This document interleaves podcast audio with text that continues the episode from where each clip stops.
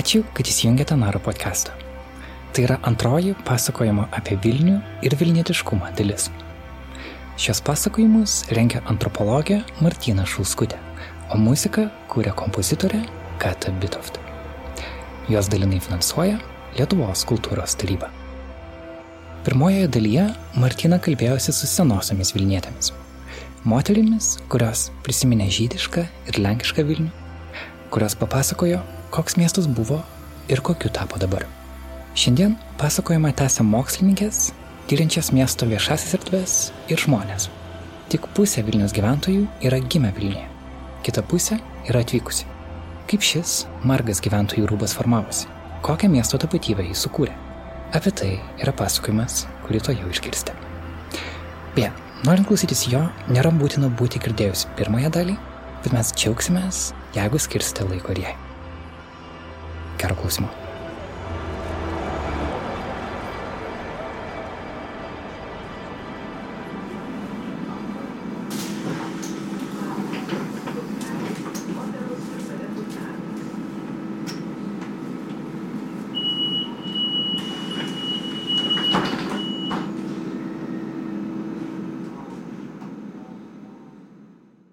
Gyvenu Vilniuje nuo gimimo, bet esu vis tiek pirmos kartos Vilnietė, kaip ir daugelis mano amžiaus žmonių. Mhm. Pirmos kartos, tai... Tai reiškia, kad mano tėvai atvažiavo čia po karo. Mhm. nu, nėra Vilniečiai. Mano tėvai nėra Vilniečiai, o aš jau Vilnietė. Pirmajam interviu susitinku su daktarė, menotyrininkė Rasanta Navičiūtė Kalbamės jos namuose šalia rotušės aikštės. Prieš įeidama pamatau, kad namas, kuriame jį gyveno, turi net dvi memorialinės lentas. Viena iš jų yra skirta Kazimierui Antanavičiui. Tai kovo 11 akto signataras buvo mano tėtis. Mhm. Ir čia, čia gyvenom, tai mes kartu gyvenome čia tuo metu. Supratau, tai jisai jau naujos Vilniaus istorijos dalis. Yra. Taip, taip. Mhm. Rasai Antanavičiūtė Vilnius yra namai nuo gimimo. Tačiau pradėjusi menotyros studijas ir rengdama disertaciją apie Vilniaus viešasias erdves, jis suprato, kad miesto gilis yra neišsemiamas. 2019-aisiais buvo išleista knyga pagal jos disertaciją Menas ir politika Vilniaus viešosiose erdvėse. Bet miesto viešosios erdvės nėra vienintelė vieta, kur rasa jaučiasi patogiai. Nauja rasa ypatinga vieta gimsta kaip tik dabar.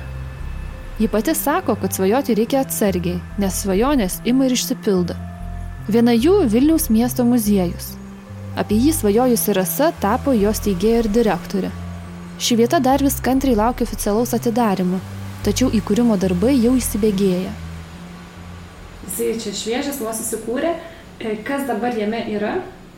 Jau Nieko nėra. Yra tik tai, yra tik tai idėjos. Tai yra, yra strategija, veiklos programa, yra norai, svajonės, planai. Ir yra savivaldybės paskirtos patalpos e, penkiems metams laikinai Vokiečių gatvėje, Vokiečių šeši, kur muziejus turėtų po tokio trumpo kosmetinio remonto ir atsidaryti. Labai norėtųsi, kad muziejus būtų patikimas Vilniečių partneris, pažįstant miestą. Nu ir manau, kad šitame viskas yra ir pasakyta, kad vis dėlto pagrindinė auditorija, kuri mums buvo įdomi, kuriant tą muziejaus koncepciją, buvo Vilniečiai, ne turistai, o būtent Vilniečiai. Ir mes labai norėjom, kad uh, kad tas muziejus būtų draugiškas, atviras, ne tik tai kažką pasakotų, bet ir rinktų informaciją iš Vilniečių, kauptų tas žinias, pastebėjimus, e, pradėtų rinkti rinkinį, nes šiaip jau muziejus e, turi turėti rinkinį, negali būti muziejus be kolekcijos. Tai šitas muziejus neketina kažkaip tai revizuoti esamų muziejų rinkinių ir atsirinkti, kas čia yra Vilnietiška, o kas ne, bet pradėti nuo dabar ir rinkti tai, kas yra susijęs su miestu ir kas iš tikrųjų yra tokios na, svarbios miesto detalės. E, čia e, ne tik tokie nerimti dalykai, bet aš dabar vis vaikštų po miestą ir galvoju, kaip būtų smagu turėti kanalizacijos šulinių kolekciją. Pavyzdžiui, kai keičia kanalizaciją, susitarti su kokia grinda kad tuos senus šulinių dangčius atiduotų muziejui. Ir, ir šiaip tai atskirą ekskursiją galima pasidaryti, vaikštant po miestą ir žiūrint tuos dangčius ir skaitant miesto istoriją juose. Na tai vad visokie tokie panašus dalykai. Ir rimtesni, aišku, bet, bet šitie irgi yra įdomus ir, ir svarbus. Na ir e, tada muziejus turėtų renkti mažiausiai porą laikinų parodų per metus tam tikromis specifinėmis temomis. Tai tų galimų temų esame irgi jau prisirašę turbūt kokiems šešiems metams į priekį. Ir tos parodos ir turėtų būti ta priežastis, dėl kurios miestiečiai sugrįžta į muziejų. Nes e, į pastovės ekspozicijas miestiečius, vietinius gyventojus prisivilioti labai yra sunku. Bet mes vis norėtumėm kurti naujus pasakojimus, revizuoti Vilniaus istoriją, pasižiūrėti, kaip ją būtų galima parašyti, nes iš tikrųjų tokios populiarios Vilniaus istorijos e, nėra. E, paskutinis leidinys e, plačiai prieinamas buvo parašytas 70 kažkėlintais metais ir po to ta Vilniaus istorija nebuvo perleista.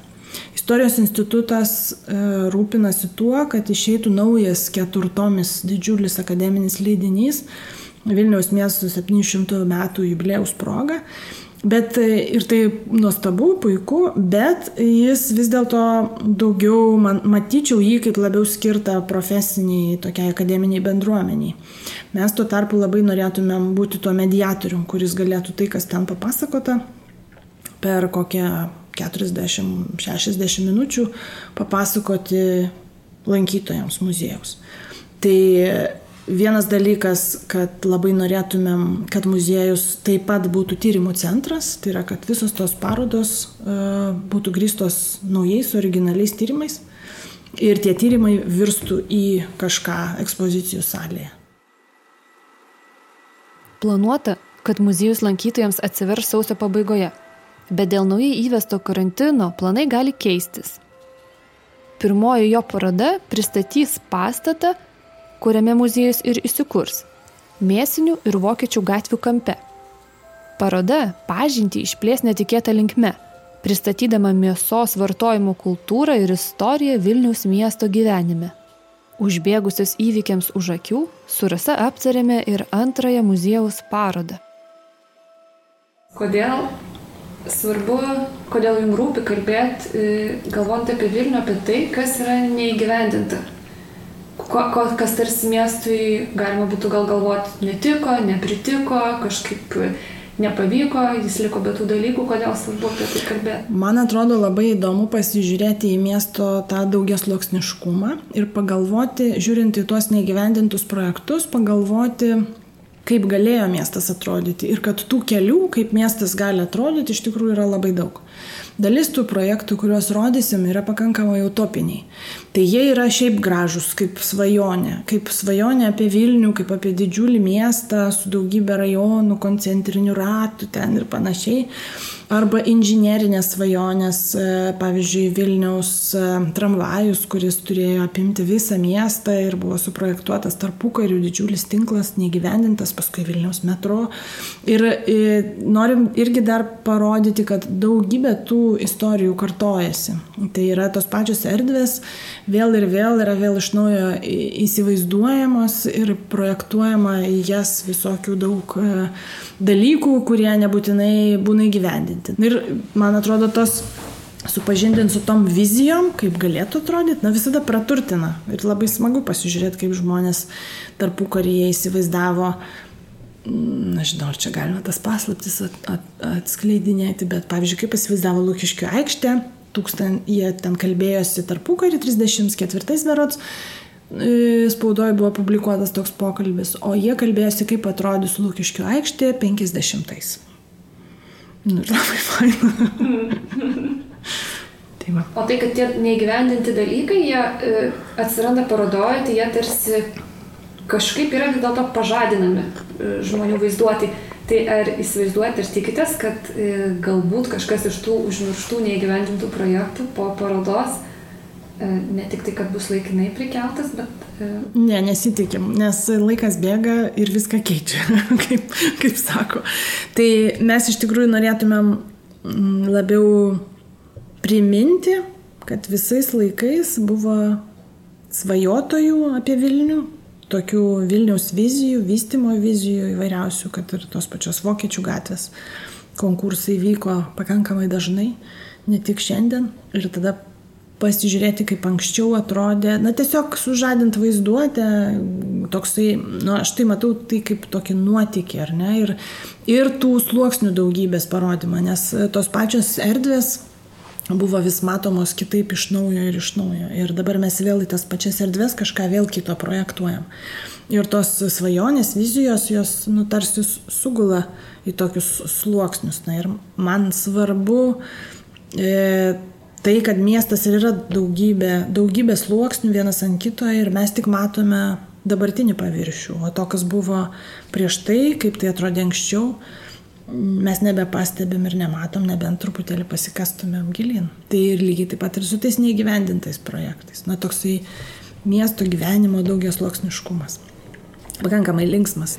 Jeigu jūs pati, būdama Vilniaus gyventoja, Vilnietė, dabar galėtumėt kažką Vilniui sugalvoti, su laisvė fantazija, kad tai nebus įgyvendinta, ko norėtųsi šitam miestui? Iš tų, iš parodos objektų ar šiaip ne, laisvai? laisvai? O čia šiandien ėjau ir galvojau. šiandien ėjau vėl eilinį iki per tą didįjį kiemą. Ir galvojau, ir dabar ten yra eksponuojama Prancūzų kultūros centro ir, ir kitų institucijų bendrai suorganizuota tokia paroda. Žydų geto nuotraukos su istorijom, kas ten tuo metu buvo, Ta prasme, yra, ne, nežinau, nematėt, tokie stendukai laukia pastatyti būtent institu, toj vietoj, kur ta fotografija yra nufotografuota, ten jinai ir stovi. Ir gali įsivaizduoti tą vaizdą, kaip kadaise tai atrodė. Ir ten prie pat čia mūsų įėjimo į mūsų kiemą yra toksai stendas ir nupaišyta mėsinių gatvė, kad jinai tęsiasi per Kirto vokiečių gatvę ir šita dabartinė Antokolskio gatvė irgi buvo mėsinių gatvė. Bet tos tiesos nesimato, nes stovi tas stalininis didžiulis gyvenamasis namas ir kai jį statė, architektai neatsižvelgė nie kiek į tas buvusias gatveles. Ir jis tiesiog tokia kaip barikada stovi. Ir galvoju, kaip būtų faina, jeigu kas nors išpirktų tuos būtus, tas patalpas, kur yra tos gatvelės likučiai ir iškirstumėm tą gabalą ir atstatytumėm tą, tą bent jau vaizdą vizualinį tokį pravažiavimą, ne, ne visą namą, bet tokį pra, pravažiavimą padarytum ir sujungti mėsinių gatves. Ir tą buvusią su dabartinė Antokolskiu ir dar yra viena, lygiai taip pat dabartinė, turbūt Gaono gatvė, nebeatsimenu, bijau su, sumeluot, bet žodžiu, irgi buvo ištisai einanti gatvelė. Tai padaryti tokius du tokius tokias arkas ir, ir atstatytas gatveles. Ir man atrodo būtų žiauriai faina, nes ten kažkoks langas turbūt pusiau išsikirstų, nu būtų labai matoma, kad tai yra iškirsta vėliau kažkada. Ir tas, nu, va, tokie trigeriai, man atrodo, jie labai paveikus visada žmonėms, nes tu galvoji, kas čia, tai palauk, kodėl čia dabar taip yra. Na ir tada reikia, aišku, suteikti progą pasidomėti lengvai, nesunkiai sužinoti, kas čia buvo ir kodėl taip yra. Ir namas stovi, nereikia jo nugriauti ir, ir istoriją gali papasakoti. Tai va čia, čia šitas, atrodo, man labai būtų smagu. Apie Vilniaus viešasis erdves su Rasantanavičiūtė šnekėjomės ne tik vizionieriškai jokaudamas apie ateitį, bet ir remdamosis problemomis, kurias mokslininkė nagrinėjo savo knygoje Menas ir politika Vilniaus viešosiuose erdvėse. Savo knygoje jūs kalbat apie labai tokią istoriškai natūralią tą Vilniaus situaciją, kad e, ten jau vien per šimtą metų valdžia daug kartų keitėsi Ir erdvės ir tie simboliai erdvėse labai dažnai buvo nuimami, patrau, visai patraukiami ir tarsi formuojamos naujos žinutės. Kilo tada klausimas, kiek iš tiesų per pašalinimą simbolių galima patraukti tą ankstesnę miesto žinutę ir ankstesnės miesto valdžios, o kiek vis dėlto pats miestas paskui naujai atvykusi žmogų, kiek tas miestas kažkokiu būdu vis dėlto nežinau, įtraukia, perdoda tą ankstesnę savo istoriją ir ankstesnį kažkokį matymo ir mąstymo būdą atvykusiam į jį žmogui. Papasakosiu istoriją. Tai kaip minėjau, aš čia gyvenu nuo 72 metų. mano tėvai atsikraustė į Vilnių, gavo paskirimą 60-ais turbūt iš Kauno. Kaune mokėsi ir baigė studijas, gavo paskirimą į Vilnių, kas yra visiškai inžinieriai, absoliučiai tipiška istorija. Ir atvažiavo čia, gavo būtą Krokuvos gatvėje, o tada 72-ais, kai aš gimiau, gavo didesnį būtą senamestį. Aš vaikščiojau į Salomėjos Nerijos mokyklą per šitą didįjį sinagogos kiemą 12-11 metų, ar ne 11 tada buvo metų. Į darželį ir šiaip visur čia žaisdavom, aš neturėjau jokio supratimo, kad čia yra buvęs getas ir kad čia yra buvęs sinagogos kiemas. Ir niekas man apie tai nepasakojo. Ir niekas man apie tai nekalbėjo. Labai tikėtina, kad ir mano tėvai to nežinojo. Ir kas tas Antokolskis, kurio lenta kabo va, tarpų vartėje. Niekas man niekada nesakė. Ir aš manau, kad patraukimas dalykų, ištrinimas iš miesto audinio yra pakankamai efektyvus dalykas, jeigu pats nesidomi tuo. Jeigu tai yra visai nematoma. Man tai yra nuostabu, kai buvo sugebėta ištrinti visiškai žydiško Vilniaus istoriją iš visur.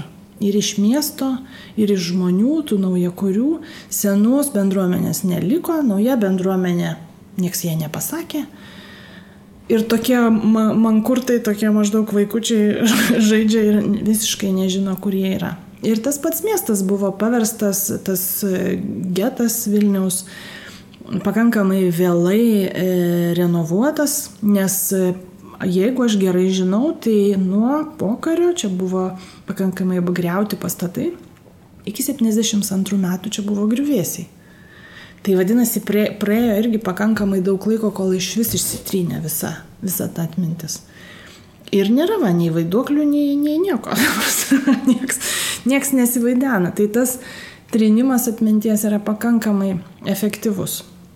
Ir jeigu nepradedi domėtis, jeigu nėra kažkokių, na, nelietuškai pasakysiu, trigerių kažkokių, kažkokių tokių dalykų, kurie verstų tave bent jau akies krašteliu suprasti, kad kažkas čia ne taip.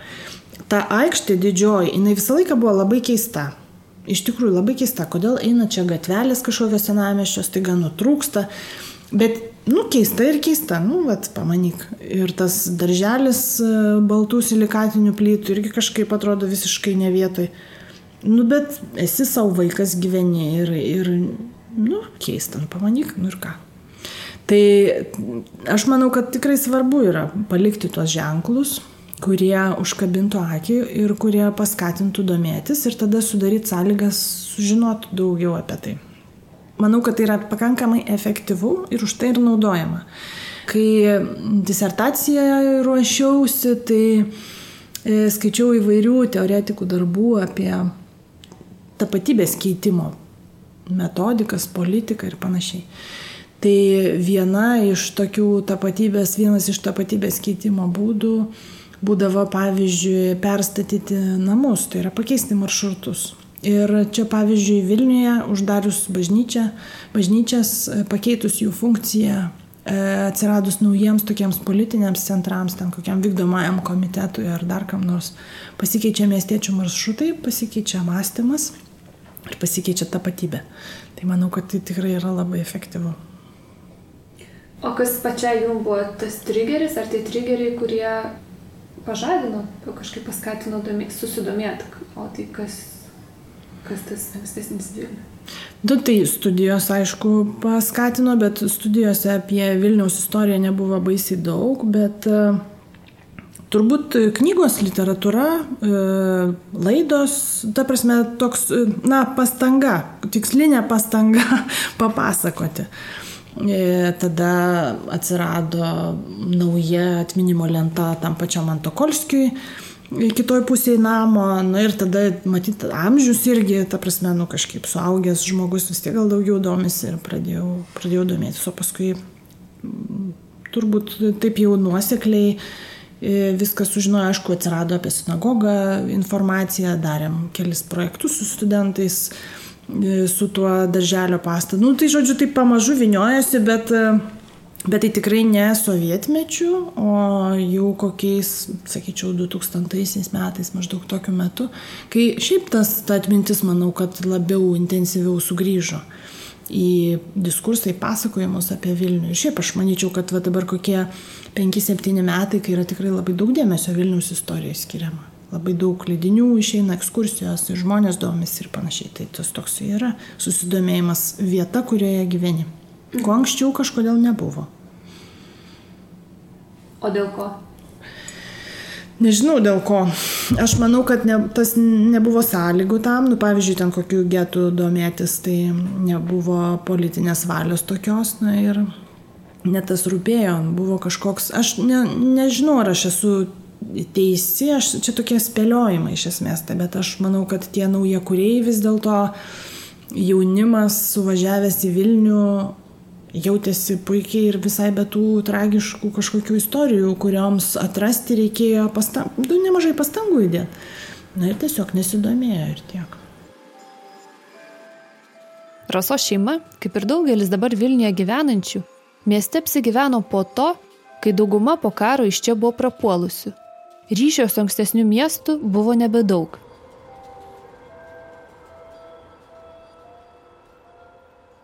Vilnius kaip miestas ir buvimas Vilnietė.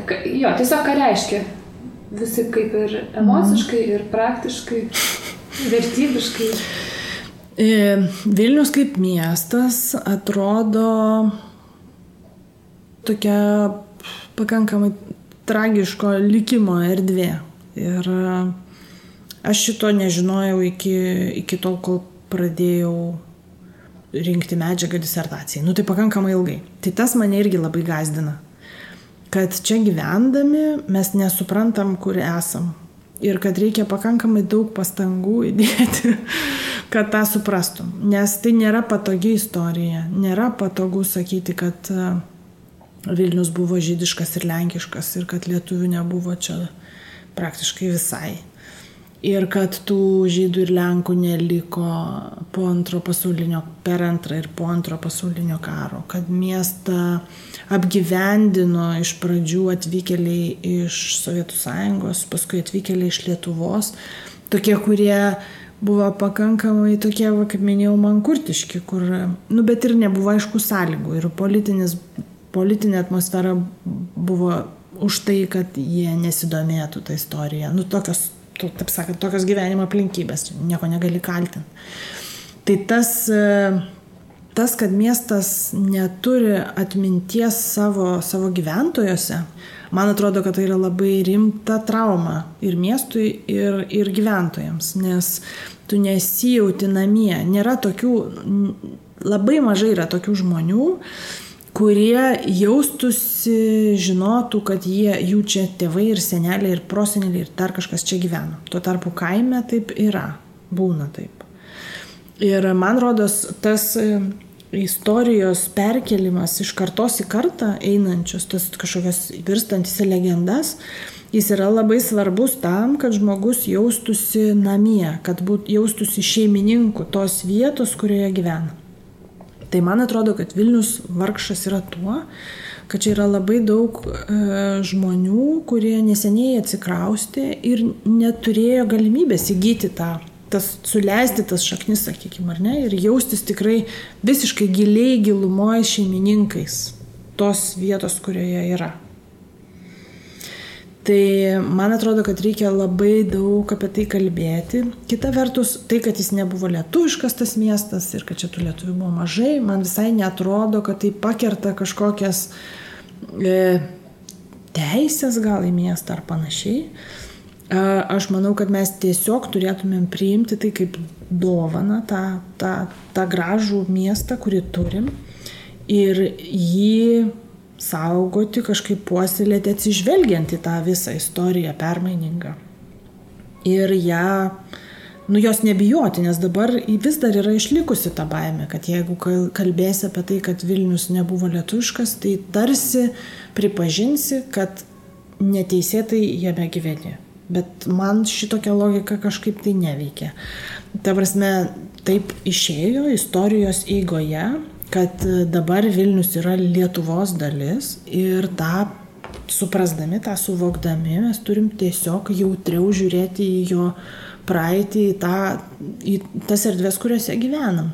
Ir tai turėt galvoje ir, ir ruoždami visokius projektus ir rekonstrukcijas ir taip toliau. Žiūrėti tai kaip į tokią trapę, dovaną, atitekusią mums netyčia. Na, galima kažką tokio įsivaizduoti su mažesniais objektais, kuriuos reikia saugoti ir, ir galvoti apie ankstesnius šeimininkus ir panašiai. Tai va, o, o kaip Vilnietė, tai, ką žinau, nieko ypatingo nejaučiu. nu, aš manau, kad aš irgi dar per mažai pažįstu tą miestą ir daug užtruks, kol, kol aš apie jį daugiau sužinosiu. Tai dėl, dėl viso šito, ką dabar šnekėjau, man atrodo ir tas Vilniaus miesto muziejus yra prasmingas, kaip tik dėl to. Bendravau su statistikos departamentu ir prašiau išsiaiškinti jų, kiek Vilniuje yra Vilniečių. Ir tada paprašiau, kad suskaidytų dar metais pagal amžių, kiek yra mhm žmonių, kurie yra gimę Vilniuje tam tikro amžiaus. Mhm. Tai aišku, kad senų yra labai mažai, o jaunų jau yra daug. 30 ir jaunesni yra 52 procentai gimusių Vilniuje. 31-50 metų yra 30 procentų gimusių Vilniuje. Ir 51 metai ir vyresni 18 procentų yra gimusių Vilniuje, visi kiti yra atvažiavę. Tai toje grupėje jau ir taip mažai, o jeigu dar ten tos grupės dar nuskėlus viršūnėlę palikus ten tik kokių taip. 80, kam yra, tai turbūt ten... Taip, ten iš viso. Taip. O apskritai visą tai sudėjus, e, tai 50 e, procentų yra žmonių, kurie yra gimę Vilniuje, o visi kiti yra atvažiavę. Tai, tai žodžiu, na, Įdomu ir būtų ir su kitais Lietuvos miestais dar palyginti mm -hmm. tą pačią statistiką. Čia Kauno, turbūt yra, Klaipėda. čia yra turbūt didmieščių dalykas, nu, kad į sostinę daug, yra, daug žmonių suvažiuoja. Mm. Bet, e, pavyzdžiui, žiūrint į tą virš 30 metų amžiaus žmonių grupę, na, tai yra nu, dramatiškai maži procentai, tikrai dramatiškai mažai. Tai va. Nes 50 metų tai jau, jau vis dėlto buvo, nu, jau lietuviškas tas Vilnius, jisai sovietinis, bet jau lietuviškas. Taip. Mm. Tai va. Mhm. O tai, tada, mhm. taip, ką pabaigti. Jo, jo, tačiau buvo toks e, mūsų irgi galvojant apie Vilniaus miesto muziejų, kad e, taip, jau taip, na, na, nežinau, ne nacionalistiškai, o provilnietiškai galvojant, kad mes galvojam, kad šitas, šita institucija turėtų miestiečius versti Vilniečiais. Žodžiu, tu ateini kažkas į tą muziejų, o išeini Vilnietis. O žmogui tam, kuris ateina, kokas, koks virsmas turi vykti, kad jis iš e, to iš atėjusio žmogaus išgyventojo pavirstų Vilniečių. Ar iš lietuvių Vilnietį? Na, mums atrodė, kad ta informacija pažinimas yra raktas tas į, į, žodžiu, savo gyvenamosios vietos, tos erdvės gilesnis pažinimas e, skatina tą erdvę labiau rūpintis, ją geriau suprasti, už ją sirgti labiau ir panašiai. Tai manau, kad per, per pažinimą, per, per, per tą edukaciją ir pasakojimą labiausiai.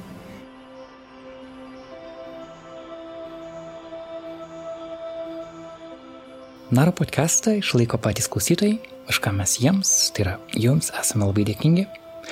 Kartais mes gauname papildomą finansavimą, kaip šiuo atveju. Vilnius tyrinėjimus palaiko Lietuvos kultūros tarybos stipendija. Bet be jūsų reguliaraus prisidėjimo mes negalėtume auginti nar erdvės ir jausti, kad jie yra reikalinga. Dėl to ačiū klausytojams, kurie prisijungia prie mūsų Patreon kompanijos per pastarąjį mėnesį.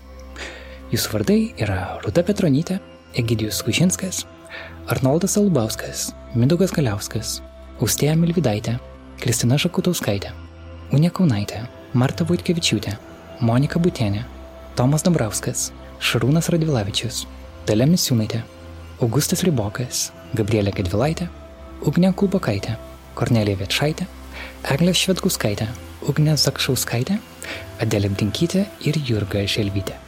O savo skiriamas sumas padidino Martinas Gedminas, Indrė Left, Aurimas Pečkauskas ir Vaiva Čipaitė. Mūsų 100 dolerių per mėnesį patronai yra Blossom Wood Foundation ir Ramūnė Tam. Ačiū Jums visiems. patreon.com slash nara.lt kaip vienas žodis, toks yra adresas norintiems prisijungti. O dabar tęsime epizodą.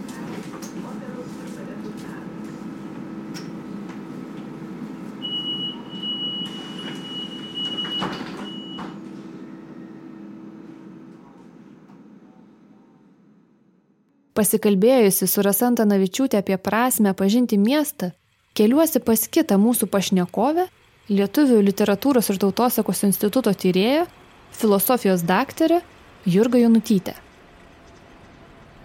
Vadovų filosofijos katedrai, pirmiausia, dėstau tenai. Kitos mano pareigos tai yra Lietuvių literatūros ir tautosakos institute Tenai esu mokslo darbuotoja ir darau vieną tyrimą, tai yra būtent apie negalios savoką Lietuvoje ir apie kaitą tos negalios savokos ir labiau filosofiniu aspektu. Su Jurga kalbuosi apie žmonės, kurie į Vilnių atsikėlė po karo ir ryšio su miestu iki tol neturėjo. Jie į Vilnių atvyko daugiausiai iš kaimiškos aplinkos ar mažų miestelių. Kaip šie žmonės tapo Vilniečiais? Apie kokį Vilnietiškumą pasakoja jų patirtis? Su Jurga Jaunutytė susitikome visai ne Vilniuje, bet žalumu jam beveik nenusileidžiančiame Kauno Žaliakalnyje. Čia Jurga gyvena nuo paauglystės, bet savo darbę jį tyrė Vilnių. Apie tai ir papasakoju. Vilniečius jūs kalbinat kokiam tyrimui, koks yra tyrimas, kur kalbėjot? Tai buvo irgi Lietuvų literatūros instituto tyrimas, kuriam vadovavo Radvilė Racienaitė. Iš viso keturiese dirbom, dirbo Lina Bugienė, irgi literatūros instituto mokslininkė ir tokia jauna antropologija iš Kauno, Mikolė Lukošienė, kuri Kaune savo disertacijai tyrinėjo Šančių mikrorajoną. Tai mes buvom iš skirtingų sričių, tokia ganėtinai tarpdisciplininė komanda ir kai pradėjom galvoti tą tyrimą, tai jisai vis tiek prasidėjo nuo to, kad mes su Lina Bugienė anksčiau buvom tyrinėjusios tris Lietuvos pasienio miestelius - Žeimelį, Vilkiškius ir Valkininkus. Mhm. Ir ne visose trijose, bet būtent Vilkiškėse buvo toks ryškus ir mane pačią ir nustebinęs ir sužavėjęs tas atsikėlusių žmonių ir vietinių žmonių, tas santykis ir visos atsikėlusių žmonių problemos ir būtent ta visa istorija, kuri prasideda nuo to pokario kraustimosi, jeigu ten, nežinau, kompiuterių terminais kaip perkrautas iš naujo miestelis. Tai tada, kai Linas Suradvilė mane pasikvietė, sakė, kad gal bandom tyrinėti Vilnių iš tikrųjų. Ir pirmiausia, man atėjo va, ta mintis, kas dar liko nepadaryta kaip ir Vilkiškėse, tai yra kaip tas persikėlė žmogus ir net ne savo norų, ne visai savo norų, arba iš dalies ne savo norų perkeltas, kaip jisai ten įsigyvena. Tai, tai vat, Vilnius irgi yra na, vienas iš tų nedaugelio miestų, kurie yra tie visiškai perkrauti po karo. Lietuvos istorijos instituto istorikė Vitalija Stravinskinė apie pokyčius Vilniaus mieste rašė straipsnėje Vilni, Vilno, Vilnius - demografinės transformacijos XIX amžiaus antrojoje pusėje XX amžiuje. Ten jie apibendrina, kad daugiatautis Vilnius per daugiau kaip 120 metų buvo perkurtas į daugiatautį Vilnių. Buvęs žydiškojų Vilnė Jis po pirmojo pasaulinio karo tapo lenkišku Vilniu, po antrojo - lietuvišku Vilniumi. Pastarojo gyventojai, kaip ir anksčiau, rusai, baltarusiai, ukrainiečiai, lenkai, žydai, lietuviai. Tačiau autorė primena, jog tautų proporcijos po karo tapo visiškai kitokios nei anksčiau. Vilnius kaip niekad lietuviškas, rašo ji. Lietuviai iš kitų rajonų. Ukrainiečiai, baltarusiai taip pat noriai keliasi į Vilnių Čia mato karjeros galimybės. Per aštuntąjį dešimtmetį daugėja ir Lenkų. Bet tai jau nesenieji Vilniaus Lenkai. Tai Vilniaus rajono kaimų gyventojai vykstantis į miestą išsilavinimo ir darbo. Vilnius jisai radosi didžiaja dalimi iš tokių žmonių. Ir tada čia ir man asmeniškai jau buvo įdomu, kaip atsirado tada jau tų žmonių supratime, Vilniečio suvokimas, paskui ką, ką reiškia būti Vilniečių, ką reiškia būti miestiečių, ar atsirado, ar ir apskritai Vilniaus kaip kažkokio vientiso darinio, kaip, kaip tos Vilniaus idėjos, vat, kaip Toparovas rašo, tai yra arba, arba koks nors deserto, kur reiškia ne paties to urbanistinio fakto, bet jau miesto kaip visumos, kaip idėjos. Tai va, tai visas tas tikrai, kad ne per vieną dešimtmetį radosi, nes labai daugam tas Vilnius buvo kaip ir prieglopstis, tai yra nu, toks kaip ir pasislėpimo būdas irgi, kaip ir pasislėpimas didmestį, e, kur kuo daugiau žmonių, nes e, tiesiog yra pavojinga kur nors atskirai sodybose, kur, kur jau tu niekur nepasislėpsi ir, ir kur tave yra suskaičiavę ten ir numatę arba, arba ištremt arba kaip nors. Jo. Tai va, tai, tai daugam ir taip buvo, paskui daug kas bėgo nuo skurdo, kiti tiesiog pokario tas bendras pasimetimas iš vienos pusės ir iš kitos pusės tas Vilniaus labai sąmoningas traukimas sovietų valdžios į Vilnių ir mėginimas pritraukti ir raginimas e, atsikraustyti, tai šitie dalykai susidūrė.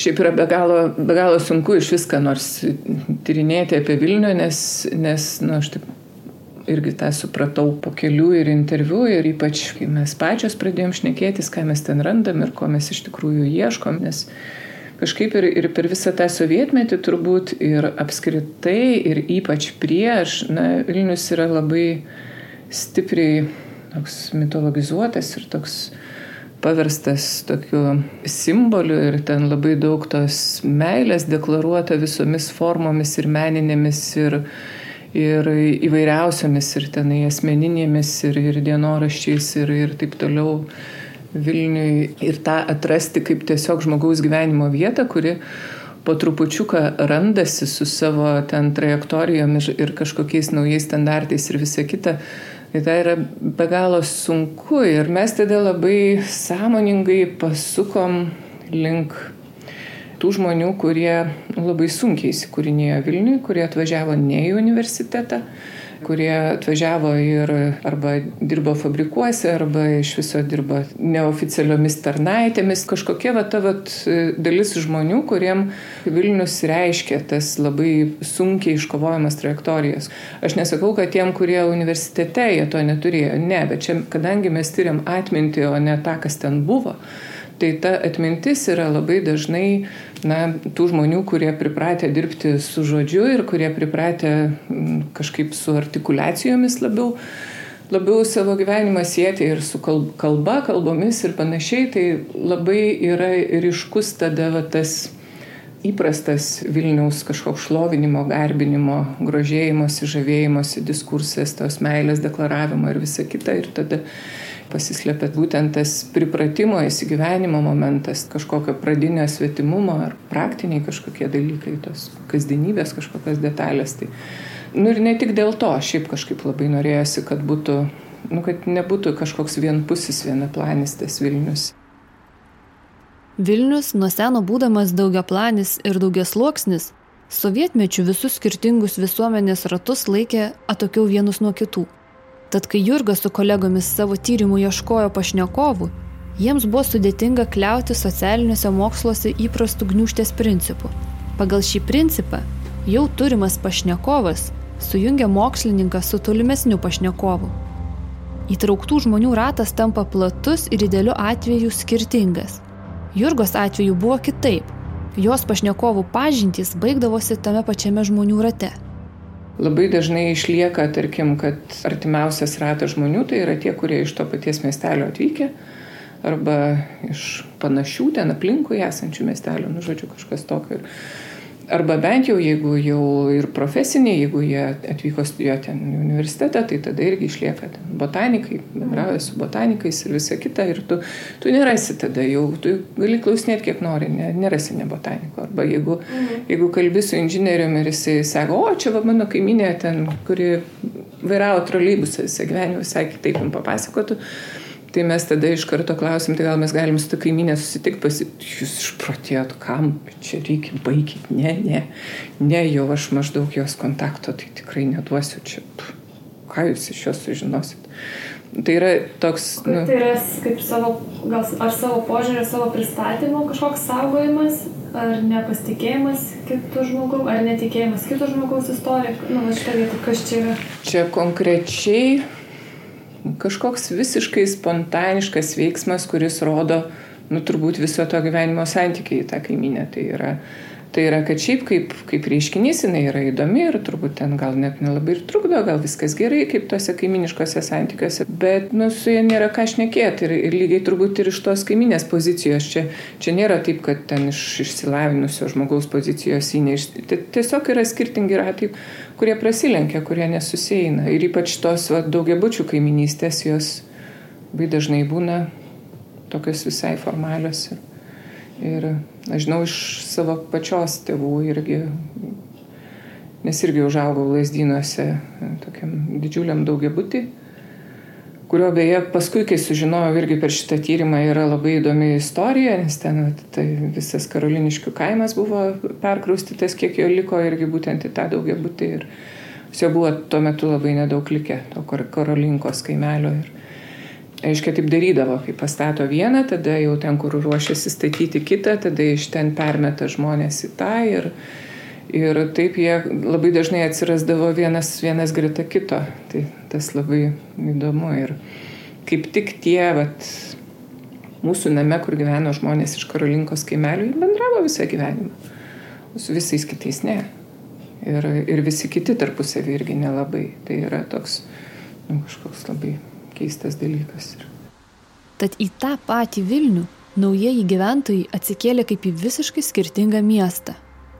Vieniems tai buvo gimtas kaimelis perkeltas į daugiabutį, kitiems - istorinė Lietuvos sostinė. Su Jurga toliau kalbamės apie miestą, kurį atvykę naujakuriai rado nesutaikomai skirtingą. Daugiausiai į tą tokį jau, jau tokį Vilnių, į tokį išsvajotą ir, tai atvyko žmonės, kurie atvyko studijuoti. Arba tie, kurie iš Kauno važiavo, nes, nes nebuvo tas judėjimas už visą Vilnius atgavimą ir taip toliau. Net ir jeigu jie atvažiavo vaikystėje, vis tiek visoje toje šeimoje Vilnius buvo toks simboliškai krautas ir visai kitaip.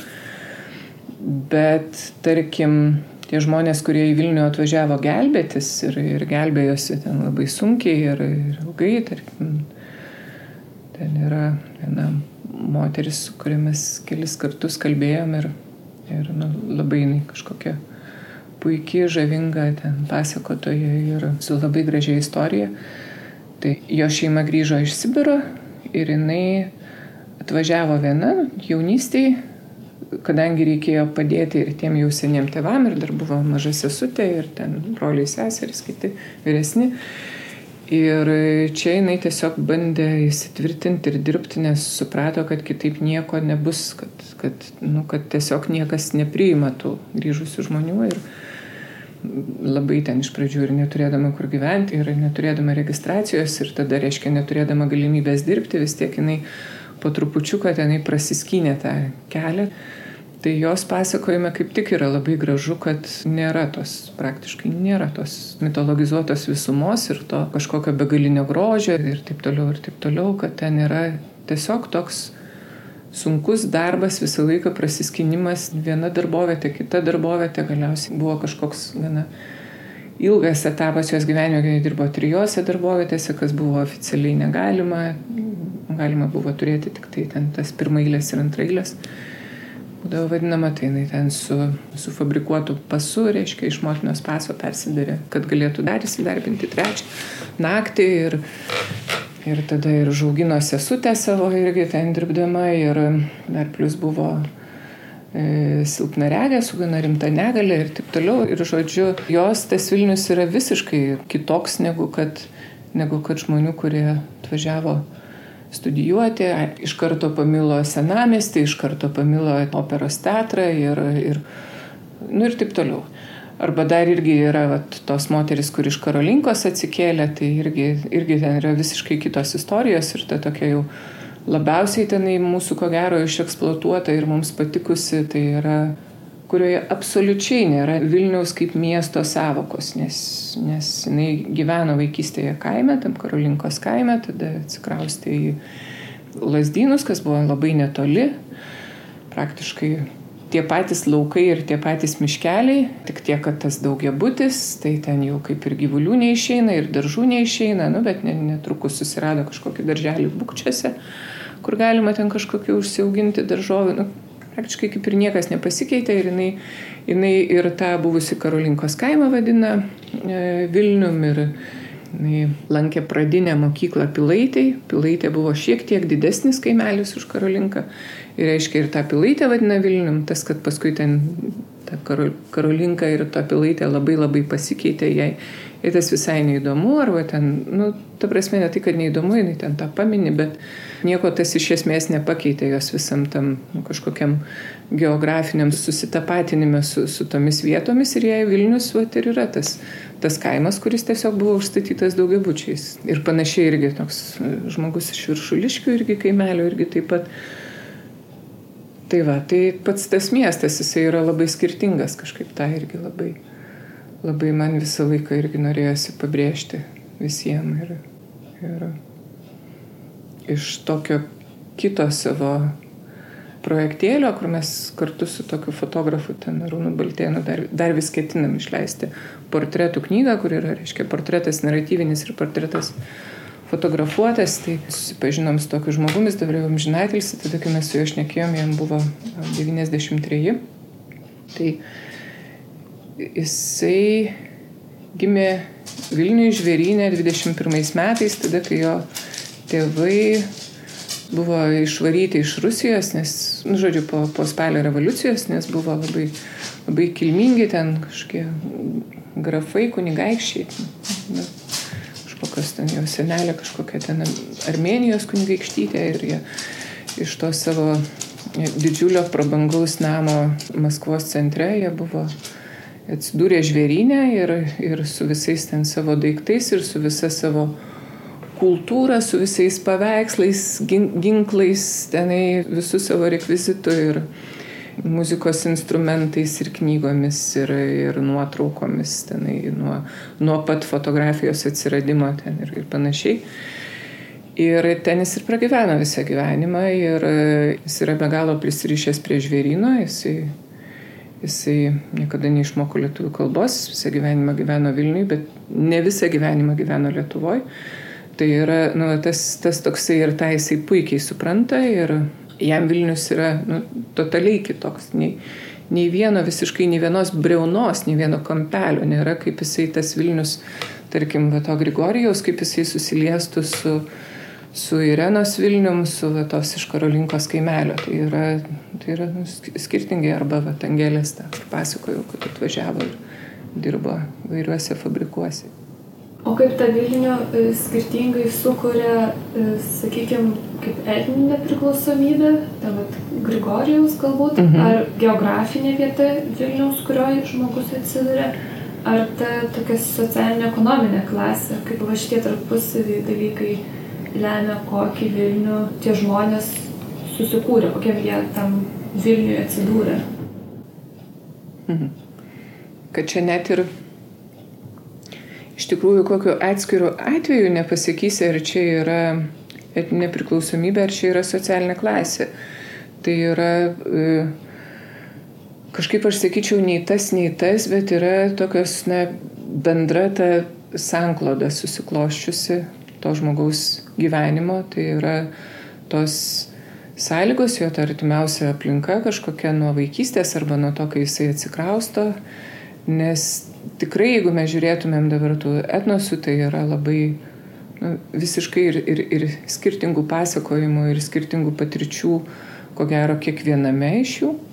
Ir lygiai taip pat, jeigu žiūrėtumėm, nežinau, kas ta socialinė klasė, tai yra kiek žmogus yra pasiturintis arba kiek jisai, kiek jisai yra e, žinomas. Na ir vėl tas koks nors Grigorijaus pavyzdys, tarkim, šituo e, žinomumo aspektu jis niekiek nesiskiria nuo Irenos. Jis sąmoningai pasirinko nebūti viešumoje, jis, reiškia, sąmoningai pasirinko e, dirbti spaustuviai korektorium, jis mokėjo daugybę kalbų, tai viskas, kas buvo leidžiama Lietuvoje, ne, ne lietuvių kalba, jisai viską absoliučiai koreguodavo, nes na, buvo šiaip labai gabus ir protingas žmogus ir poliglotas, bet jisai e, kiek, kiek kartų buvo kalbinamas ten ir dar buvo baigęs teisės studijas, bet kiek kartų buvo kalbinamas, reiškia, kažkaip daryti kokią nors karjerą, jis visą laiką labai griežtai atsisakydavo. Tai, tai akivaizdu, kad jis nebuvo ir turtingas, na, ne, ne, ne, neskaitant to viso palikimo, kurio jis netraktavo kaip turto, nes niekada neketino jo parduoti. Ir ne, nebuvo nei, nei žinomas, nei turtingas, tai irgi, kas tada tą jo klasę nurodo. Kažkokia ta aristokratiška kilmė, kuri visiškai nieko nereiškia, nei sovietmečių, nei po to. Ir tas yra kultūros turbūt, aiškiai, kultūros žmonių, kultūros darbuotojų, tai yra menininkų, mokslininkų, tai yra tų žmonių, kurie yra pratę artikuliuoti, save apsibriežti ir, ir savo, savo gyvenimo sąlygas apsibriežti, ir savo tikslus, ir savo vertybės. Tai tada va jų vaizdinys iš tikrųjų skiriasi nuo, nuo tų žmonių, kurie tiesiog gyveno ir, ir dirbo ir mažiausiai iš tikrųjų tą Vilnių šlovina ir garbina tie žmonės, kurie, nu, va viena moteris, kurie atvažiavo iš uh, Baltarusijos kaimo trim vaikais, pabėgusi nuo vyro, kuris buvo labai žiaurus ir smurtavo. Irgi labai sunkiai įsikūrinėjo Vilniui, ten gyveno visokiuose tuo metu dar sugriautuose pastatuose. Baigtų čia, atik, atik sugriautuose pastatuose ten ir, ir, ir tuos vaikus tenkdavosi kur nors bent jau apnakvindinti, kur šilčiau ir, ir tada ir, ir kaip nors pavalgydinti ir dirbo ten iš pradžių prie, prie silkių kažkokio žuvies perdirbimo įmoniai, po to irgi visus įmanomus darbus dirbo ir, žodžiu, ir bilietėlius tikrino kino teatre, ir sargenė dirbo, ir ir fabrikuose keliuose ir visur kitur. Ir irgi praktiškai iš jos kažkokio tokio apibendrinimo apie Vilnių ir savo santykių su Vilnium na, yra neišgirsi, nors, nors visame tame pasakojime jinai ne ką nors kitą ir pasakoja, bet savo santykių su tuo miestu. Arba labai daugeliui irgi, ko mes irgi nekiek nestabdėm ir irgi laikėm, kad čia visiškai normalus dalykas, tai yra nesinorėjo pasakoti būtent jau nuo persikraustimo apie savo gyvenimą, bet jie kaip tik pasakoja labai daug apie tai, kas prieš tai buvo, nes jų širdis yra ten, kur, kur, kur yra prieš. Arba kaip tik ten kokie nors labai skausmingi dalykai ir paskui jau tas Vilnius juos išsprendžia ir, ir tada yra ab, abitos dalis iki, iki Vilniaus ir jau paskui gyvenimas Vilniui. Ir jos abi yra labai svarbios ir tai va. Tai kaip Vilnius miestas kaip namai tiem žmonėm mhm. matosi. Ar kaip jie pažįsta Vilnių kaip namus. Labai daug istorijų turi tą lūžio tašką, tai yra tas būto gavimas yra.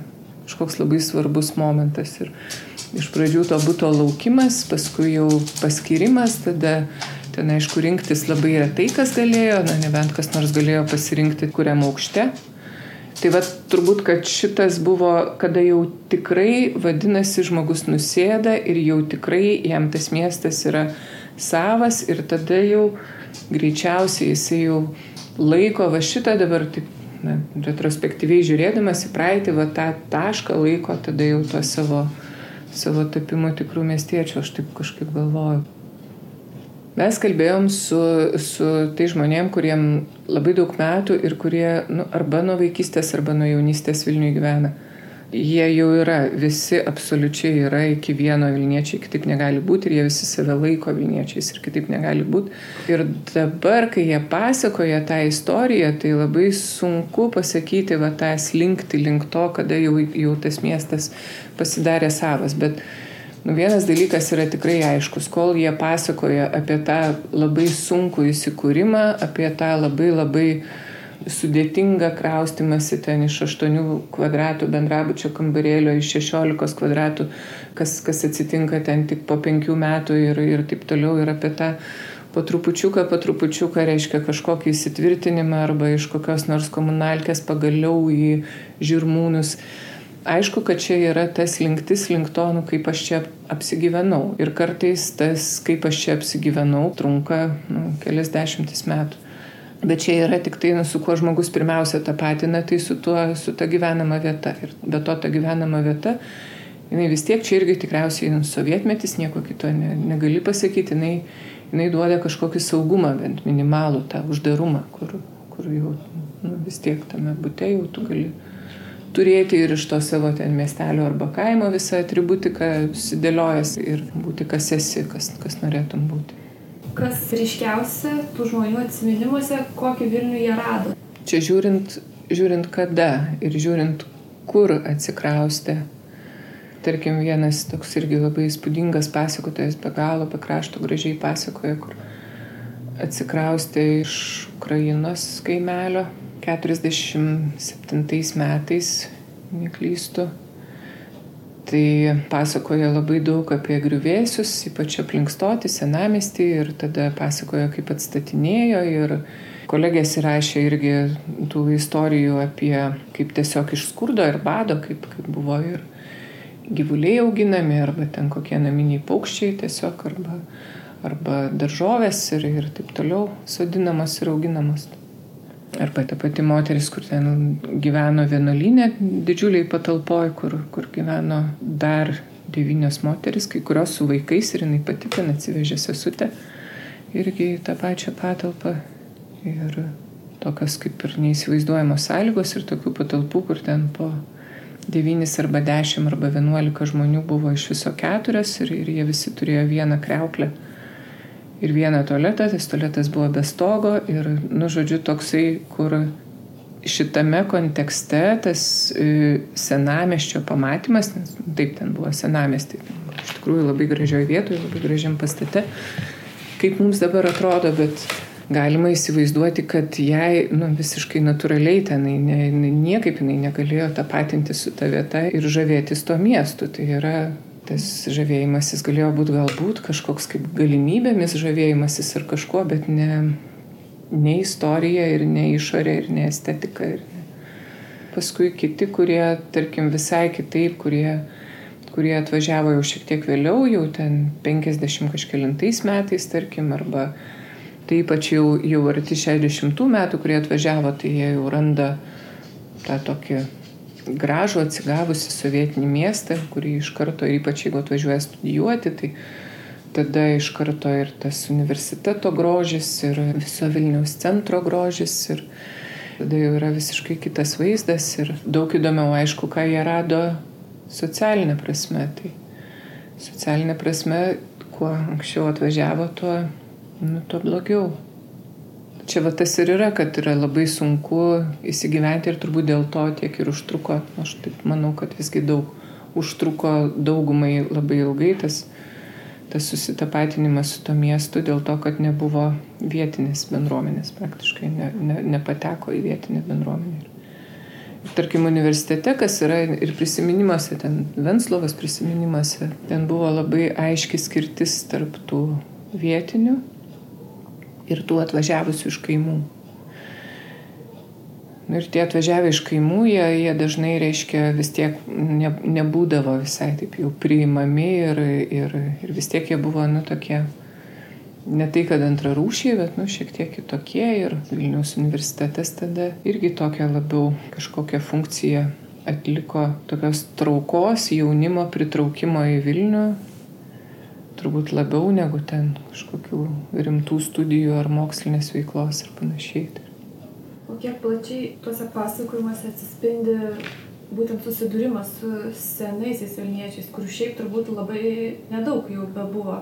Mhm. Tarkim, jeigu iš universiteto, tai daug buvo dėstytojų, bet dėstytojų ne tie, kurie anksčiau dažniausiai dėstė universitete, bet tarkim tie, kurie mokytojavo ar kažkaip kitaip, tai yra istorijų, kur, kur nuomoja kambarius pas senus Vilniečius irgi. Yra istorijų, kur susidūrimas su tais, kurie jau prieš pat priverstinę repatriaciją buvo tos dvi lenkiškos bangos. Čia kažkaip istorikai nėra aiškiai ištyrę ir, ir, ir, ir pasakė dar iki galo, tai yra viena buvo iškart po karo, kita buvo maždaug po dešimties metų, tai yra 56 panašiai ir, ir tikrai ne visi ten išvažiuodavo savo norų, labai, labai daug buvo nu, to nepasitenkinimo ir, ir pasipriešinimo, nes iš tikrųjų tai yra nu, tokia kaip trimtis ir iš kitos pusės irgi, kiek bandžiau domėtis iš Lenkijoje yra tokių tyrimų irgi nemažai padaryta, tai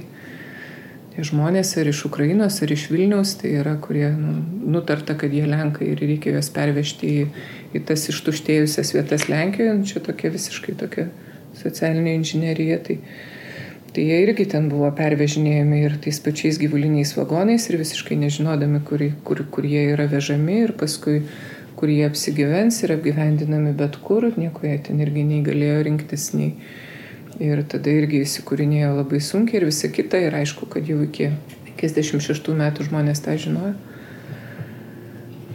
Tai va, tai irgi yra ten irgi kelios istorijos apie, apie kažkokius susidūrimus, kur tiesiog jie jau žinodami, kad turės išsikraustyti ir jau atsikrausto kiti žmonės, kurie jų vietą atkraustomi, ten tada jie nelabai nori priimti draugiškai ir panašiai. Tai yra, na va, Tai e, buvo, žodžiu, Lenkai, su kuriais susidūrė tie naujieji, nauja, kuriais, sakykime, dažnai apsikeisdami vietom.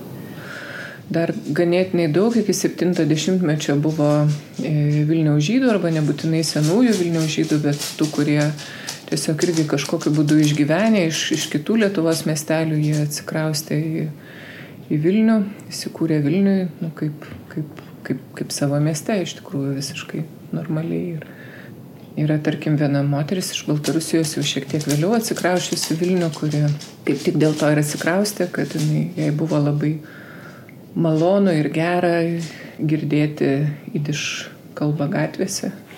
Jis čia pasakoja maždaug apie 60-mečio pabaigą, tai yra jau apie 600 metus prieš šiek tiek ir šiek tiek po, kaip apie, apie tokį kaip ir vos nesvajonių miestą, Tai va, ir paskui aišku, kad tas irgi po, po trupučiuką to mažėjo. Pirmiausia, tai neišeina apibendrinti tų senųjų Vilniečių, nes jų buvo irgi labai, labai įvairių žmonių ir, ir įvairių etnosų. Na, čia yra tokia jau kaip ir taisyklė apie Vilnių šnekant ir, ir nebejotinas faktas, kad buvo labai įvairių žmonės. Ir už tai ir to santykio neišeina niekaip apibendrinti tų atvažiavusių su tais, bet Kažkiek jie susidurdavo, bet vis tiek galima sakyti, kad susidurdavo, bet nesusidraugaudavo. Pavyzdžiui, pasakojau šiek tiek apie tą Ona Grigorijų, kuris irgi gyveno ten labai seniai ir tai jis labai labai skausmingai dar ir tada jau ten labai garbiam amžiui jisai vis tiek prisimena e, žvėryno žydų sunaikinimą šeimų ištisai, šeimų, vaikų, su kuriais jis draugavo ir tų žmonių, su kuriais draugavo jo šeima ir dar vis susigaudina ir verkia iki dabar.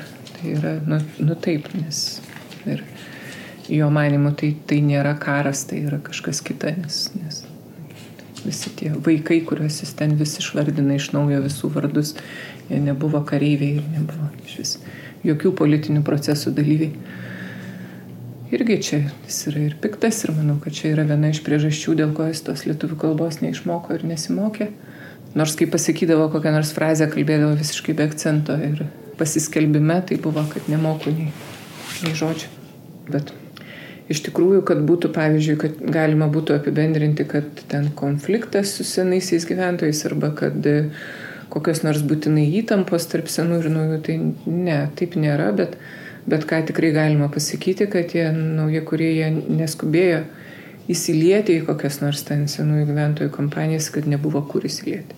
Iš tikrųjų nebuvo kur, buvo pavieniai, buvo su savo traumom, savo bėdom, jie atsikraustė irgi su savo traumom ir savo bėdom ir, ir kažkoks tas santykis buvo, bet bičiuliavimuose ne. Ir be abejo, tarp pavienių žmonių, kažkokių studentų universitete jis galėjo būti ir buvo, be abejo. Bet bet tik tai, tik tai tiek. Ir čia galima tada įsivaizduoti į kokį nors kitą miestą, jeigu atsikrausto nauja kurys, nesvarbu iš kur jisai ten randa, na, jis randa bendruomenės tenai kažkokias, kurios jam artimesnės ir ten jis vis tiek įsijungia jau į to miesto sąmonę kažkokią jau susiformavusią. Ir, ir tuo metu Vilniui nu, tas buvo neįmanoma, to, to nebuvo tiesiog. Mūsų susitikimui einant į pabaigą, su Jurga pradėjome kalbėtis apie visai priešingą dalyką. Jos patirtį paauglystėje Vilnių iškeitus į Kauną.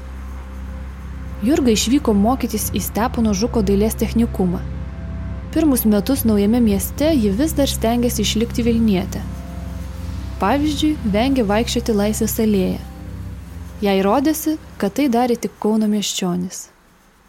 Neįsivaizdavau, kad aš galiu negrįžti ir paskui, kai supratau, kad nu, laisvai galiu, tai, tai toks buvo iš tikrųjų kažkoks virsmas. Ir, ir šiaip tai aš nežinau, ar kažkoks ir dabar dar ir po šito tyrimo ir, ir, ir daug seniau tas aiškumas atsirado, kad nu, ta Lietuva yra iš vis kaip vienas miestas, nu, jinai maža. Ir jinai maža ir nėra ten jokių nei tų esminių gyvensenos skirtumų, nei, nei mąstysenos skirtumų, kad, kad nu, šitomis kažkokiamis tomis geografinėmis kategorijomis mes negalim išdalinti ir ten pasakyti, kad e, žaimelio žmonės vienaip masto ir mato ten kažką, o ten vat, karoliniškių žmonės kitaip. Tai yra, nu, nu ne, nu, taip nėra, tada jau ta, ta įvairovė yra didžiulė, bet jinai yra labiau tų pavienių žmonių. Šiaip labai įdomu, yra labai įdomu tas vat, Kaunas skirtumas nuo, nuo, nuo Vilniaus ir ypač tada, kai atsikraušiau, ten 90-mečio vidury, tada ir, ir tos kažkokios alternatyvios kultūros irgi, bet, bet čia yra jau kažkokios kitos temos ir yra jos, nu, tos atsitiktinės sanklodos čia lemia. Kaune buvo kokių labai daug ten tų įdomių ir, ir tokių iš visuomenės pasitraukusių, tokių arba buvusių hipių, nors arba, arba kokia nors šiaip tokia visiškai tokia uždara veikla, ten nors Vilniui buvo mažiau šito, bet buvo daugiau to tokio paviršinio kažkokio to visiškai to estetinio tenai pankavimo. Nu, tai, tai buvo tie skirtumai ir, ir aš po to šiek tiek pagyvenusi irgi įsidarbinau senelių prieglaudą, kai tik baigiau tą dailės mokyklą. Tai ten buvo labai daug tų dar tada vienišų žmonių iš, iš tarpukario ir su savo istorijom ir su savo... Tai, va, tai Vilniuje irgi labai mažai, nu, apie ką mes ir kalbam. Tos senosios kartos jos buvo labai mažai. Ir paskui tik tai per šitą tyrimą sužinojau labai labai atsitiktinai, kad tas artimiausias kaimynas, netgi su kurio, su kurio dukra mes labai artimai draugavom vaikystėje. Lenkas dabar jau irgi praeitais metais amžinatlis ir mirė ir palaidotas. Ir palaidotas su armija Krajovo uniforma, kaip paaiškėjo, kas į galvą nebūtų atėję niekada, pasirodo, kad jinai buvo pogrindinė per visą sovietmetį ir jis jai priklausė ir, ir, ir dabar ir, ir, ir nepriklausomybės metu egzistuoja. Mano mama buvo laidotuvėse ir sakė, kad ten va visi jo draugai buvo su armija Krajovo uniformomis atėję. Kas yra, nu, man atrodo, kad be galo gražu, žinai, kažkaip nežinau. Tai va aš tik tai per tyrimą įkalbindama sužinojau, kad jisai yra senųjų Vilniečių palikuonis. Kažkaip visą laiką atrodė, kad, nu, čia kaip ir visi atsikraustė nuvastynuose. Tai čia taip ir jisai atsikraustė, bet aiškėjo, kad ne, kad jo tėvas buvo Lenkų karininkas, mama Mama irgi iš e, senos Vilniaus giminės ir buvo ištremta po karo, Lenkų karininkas irgi buvo paimtas nelaisvę, paskui e, išvaduotas Britų, tada, reiškia, su Britų armija toliau kovojo ir dėl to negalėjo grįžti, nes, nes juos irgi iš karto nu, deportuodavo arba tiesiog, tiesiog nu, nužudydavo. Tai jis tą žinojo ir tada ne, ne, nebegalėjo grįžti ir tie našlaičiai čia kažkaip Vilniuje užaugo, irgi įsikūrė, įsitvirtino ir, Ir va vienas iš tų našlaičių buvo kaimynas mano, kur niekada nebūčiau įtarusi tikrai.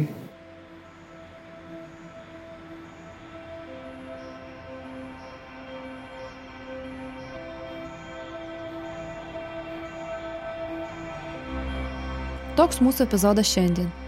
Ačiū, kad buvote kartu. Pasakojimą rengė Martina Šuskutė. Epizodą redaguoti man padėjo Karolis Višniauskas.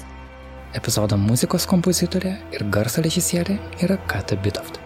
Muzika buvo sukurta panaudojus originalius garsus iš Vilniaus miesto. Už juos dėkojame Juliui Grigelioniui. Taip pat kviečiu užsukti į Nara LT tinklalapį. Ten galite pamatyti abiejų šiandien kalbėjusių mokslininkių portretus. Jas fotografavo Martina Šulskutė ir Severina Venskutė. Trečioji ir paskutinė pasakojimo apie Vilnietės dalis pasirodys po naujų metų, sausio mėnesį. Kol kas labai lauksime jūsų reakcijų į pirmasis dvi dalis. Kviečiame jomis pasidalinti adresu nara.nara.lt. Būkite sveiki, iki greito susitikimo dar šiais metais. Šiltų švenčių. Iki.